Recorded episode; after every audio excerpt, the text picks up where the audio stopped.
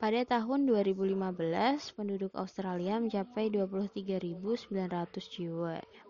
Pada tahun 2005, jumlah penduduknya mencapai 20.400 jiwa atau terjadi penambahan sebesar 3.500 jiwa dalam kurun waktu 10 tahun.